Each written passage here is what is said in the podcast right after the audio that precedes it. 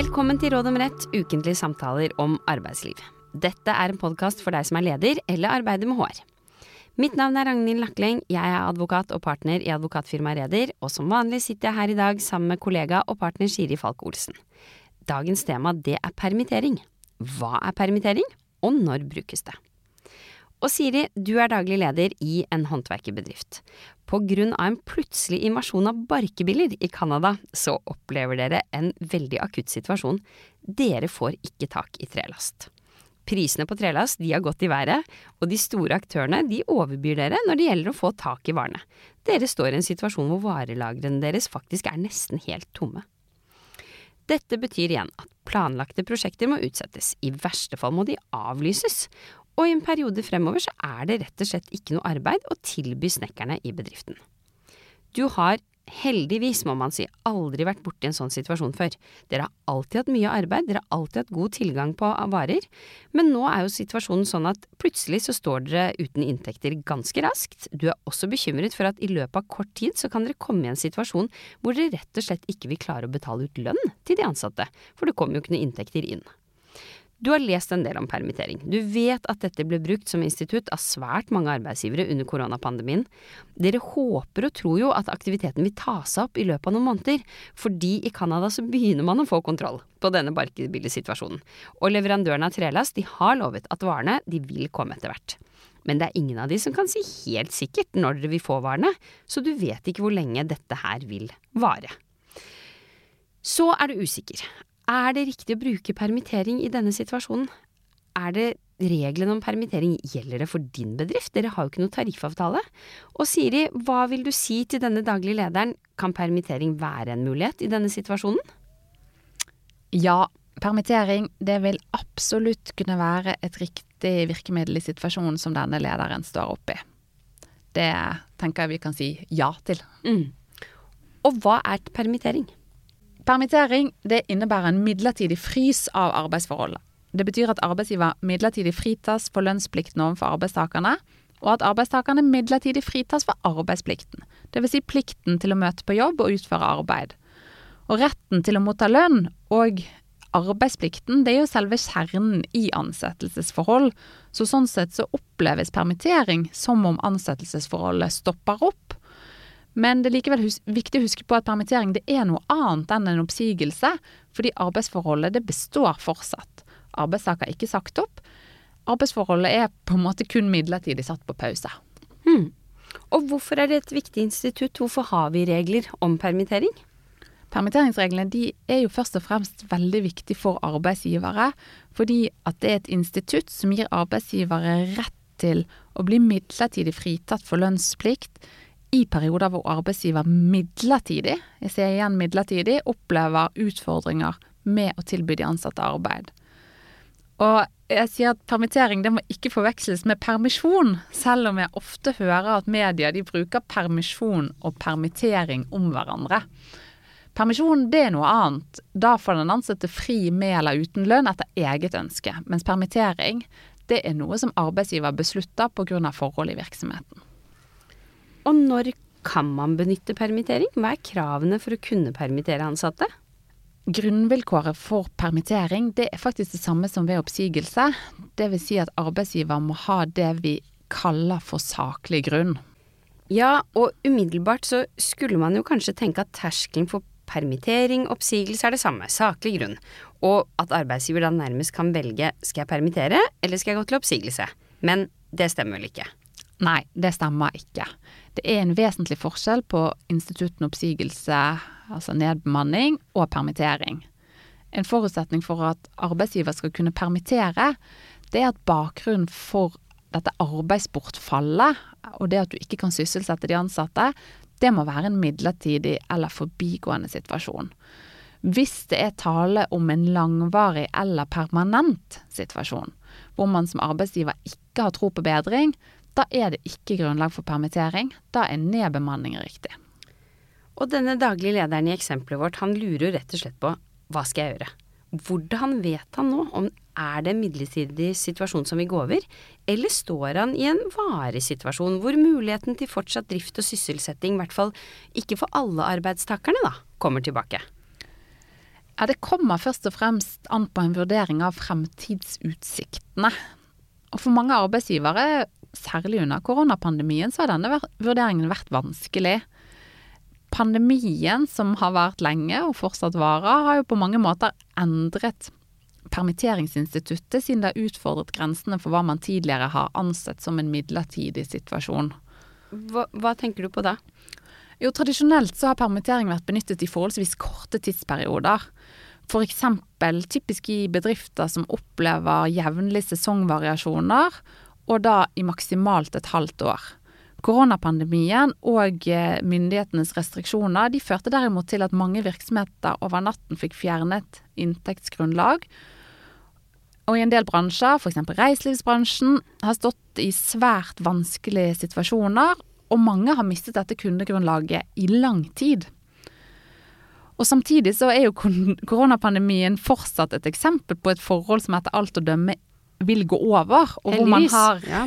ja, hvor man har et, et, håp om at verden vil bli som før igjen. Og det er jo da bakgrunnen for at permitteringsreglene har blitt endret x antall ganger under koronapandemien, og at myndighetene har åpnet for bruk av permittering over lengre perioder. Og hvis du kan si litt om endringene som er blitt gjort i permitteringsregelverket? Ja, det er for langt å gå inn på alle her. Det har vært flere endringer, mange endringer, hyppige endringer. Men kanskje den aller viktigste endringen, eller en av de viktigste endringene, det har vært at lovgiver har endret dette med maksimal varighet på permittering. Fra tidligere maks 26 uker til maksimalt 52 uker. Og i tillegg så ble det bestemt at denne maksgrensen faktisk ikke gjelder i perioden 19.2 til 30.9 nå i år, noe som faktisk betyr at en del arbeidsgivere kan permittere ansatte i ett og et halvt år. Man kan stå i en situasjon der man lovlig har kunnet permittere i ett og et halvt år. Og dette tror jeg mange vil si en varighet som går langt utover hva man tidligere har tenkt på som midlertidig i forbindelse med permittering. Mm. Og så er det greit å nevne at dette er noen regler som vil bli endret tilbake igjen etter koronapandemien og hvor behovet for denne type langvarige permitteringer antagelig forhåpentligvis vil bortfalle.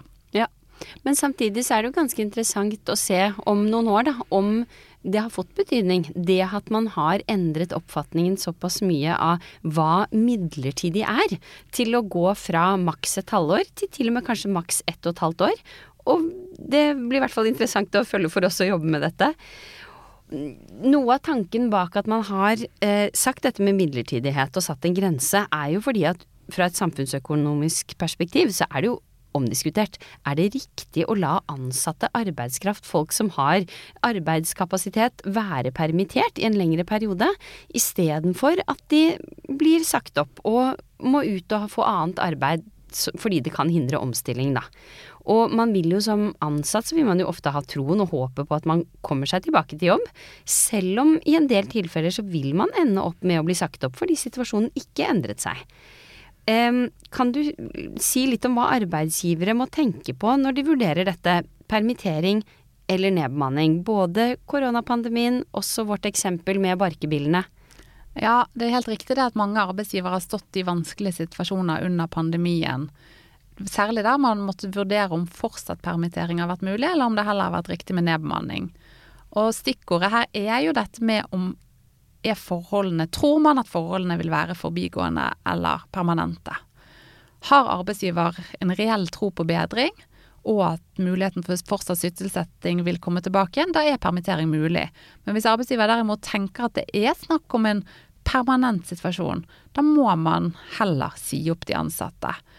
Og for eksempel så har man i bl.a. flybransjen vært veldig hardt rammet av koronareiserestriksjoner. Mange håper og tror at aktiviteten i flybransjen vil ta seg opp igjen. Samtidig vil nok mange mene at koronapandemien har ført til varige endringer i forbruksvaner og, og reisemønstre. Mm. Noen, noen konkrete eksempler? Ja, vi har jo alle opplevd at koronapandemien har endret eh, hvordan vi arbeider, og jeg tror nok at en del av disse endringene antageligvis vil være permanente også etter at pandemien helt er over. Jeg tror f.eks. at mange vil tenke at tiden for forretningsreiser mellom Oslo og Bergen for et enkelt møte antagelig er forbi. Jeg tror nok at mange i fremtiden vil ta den type møter på Teams. Og det kan tilsi at flybransjen står ovenfor en varig endring, og at færre i fremtiden vil fly. Og at bransjen da vil ha behov for færre ansatte, som en varig endring. Og dette kan tilsi da at når arbeidsgivere foretar en sånn vurdering, må gå til oppsigelse fremfor å fortsatt permittere. Så det er denne troen, da, se inn i glasskulen, hva vil fremtiden bringe? Troen på fremtidsutsikter som er avgjørende for om permittering eller nedbemanning er riktig. Og det er denne vurderingen som arbeidsgivere må ta. Mm. Så hvor, sterke, eh, hvor sterk en arbeidsgiver er i troen, da, vil jo da ofte avgjøre om man faller ned på permittering eller nedbemanning.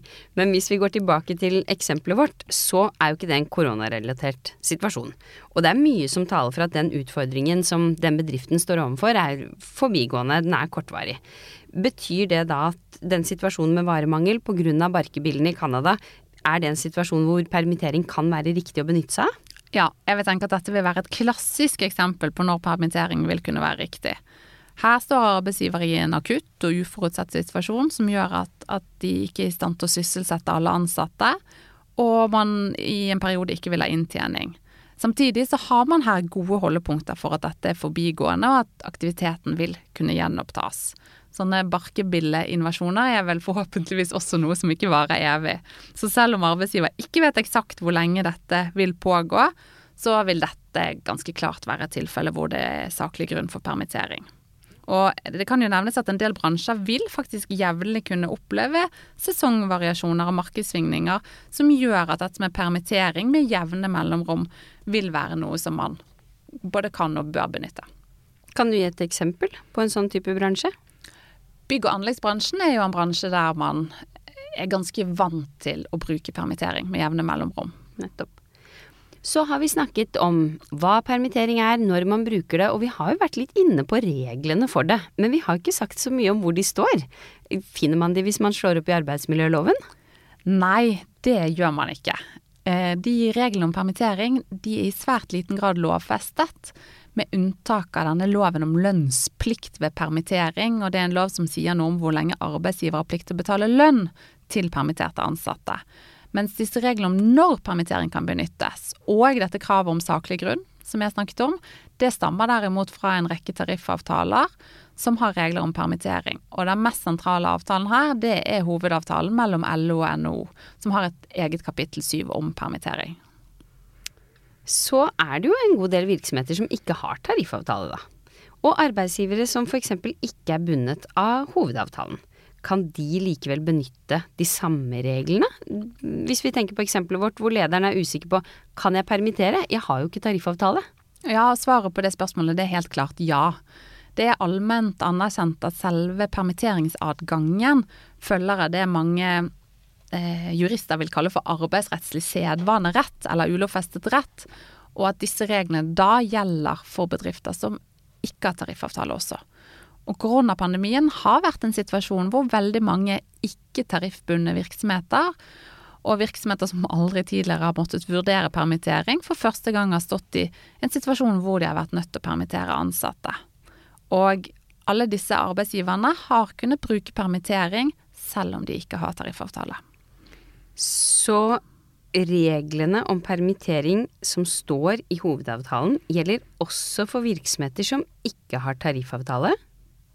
Ja, det er riktig. Og de fleste vil nok mene at store deler av hovedavtalens kapittel syv om permittering må anses som, som det jeg kaller for det arbeidsrettslige sedvane, og at disse reglene vil gjelde for bedrifter uten tariffavtale også. Det gjelder bl.a. reglene om varsling, permitteringsvarsel og ikke minst reglene om drøfting med tillitsvalgte før beslutningen tas.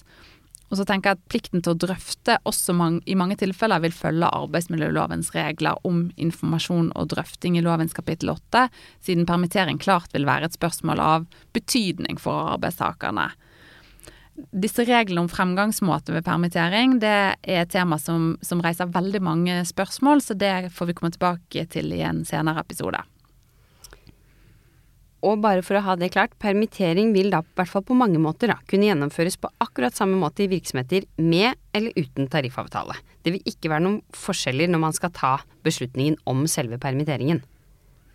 Ja, det, vil, det jeg tenker er et riktig utgangspunkt, men det vil nok være ett viktig unntak fra dette utgangspunktet, og det er dette med betydningen av ansiennitet ved utvelgelse av hvem som skal permitteres.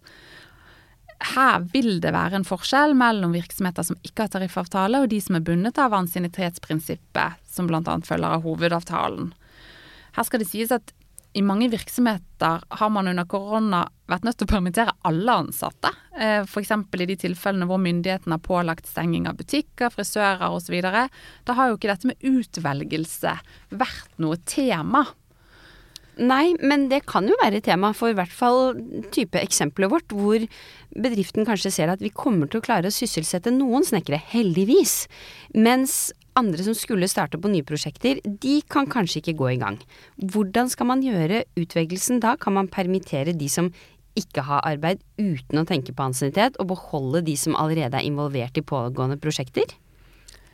Altså For virksomheter som er bundet av hovedavtalen, så skal utvelgelsen ved permittering følge ansiennitet, med mindre det foreligger saklig grunn for å fravike dette. Eh, tariffbundne virksomheter skal derfor som et utgangspunkt ha en ansiennitetsliste ved permittering. Eh, og denne forpliktelsen den påhviler ikke virksomheter som ikke har tariffavtale. Men det man kan si her, det er at ved permittering, også i virksomheter som har tariffavtale, så er det noe videre adgang til å vektlegge hva slags kompetanse, hva slags behov bedriften trenger under permitteringsperioden, fremfor ansiennitet. Ja, litt mer om hva betyr det at man kan uh, vektlegge noe mer kompetansen man behøver? Jo, litt tilbake til det eksempelet som jeg var inne på, at, at arbeidsgiver må kunne vektlegge hvordan sikre drift under permitteringstiden. Så hvis det er sånn at bedriften har pågående prosjekter, i vårt eksempel, hvor de har arbeid til en del av håndverkerne, så vil det kunne være anledning til å beholde disse i arbeid ut ifra tanken om at det er mest rasjonelt at de som er på pågående prosjekter, de skal fullføre disse, fremfor at ansatte med lengre ansiennitet byttes ut med de som allerede er inne i ting som pågår. Denne typen hensyn vil det være saklig å ta ved permittering også i bedrifter som har tariffavtale. Så derfor vil mange si at ansiennitet har mindre vekt ved permittering enn ved oppsigelse, eh, også i virksomheter som har tariffavtale. Til slutt som vanlig, samle trådene for oss, Siri. Gi de tre beste oppsummerende tipsene du har om hva permittering er, og når det brukes. For det første, permittering det forutsetter saklig grunn. Arbeidsgiver må ha et saklig begrunnet behov for å kunne permittere ansatte. For det andre, behovet må være tidsbegrenset eller midlertidig. For å kunne permittere så må man som arbeidsgiver ha tro på bedring, og at man vil kunne sysselsette de permitterte arbeidstakerne igjen. Er det snakk om et veldig langvarig eller permanent behov, så er nedbemanning riktig. Og for det tredje, selv om permitteringsreglene er et regelsett som er utviklet gjennom tariffavtaler, så anses permitteringsadgangen som arbeidsrettslig sedvane, og gjelder derfor også for virksomheter som ikke har tariffavtale. Det var det vi hadde. Takk for i dag. Vi kommer tilbake med nytt tema og nye tips i neste episode.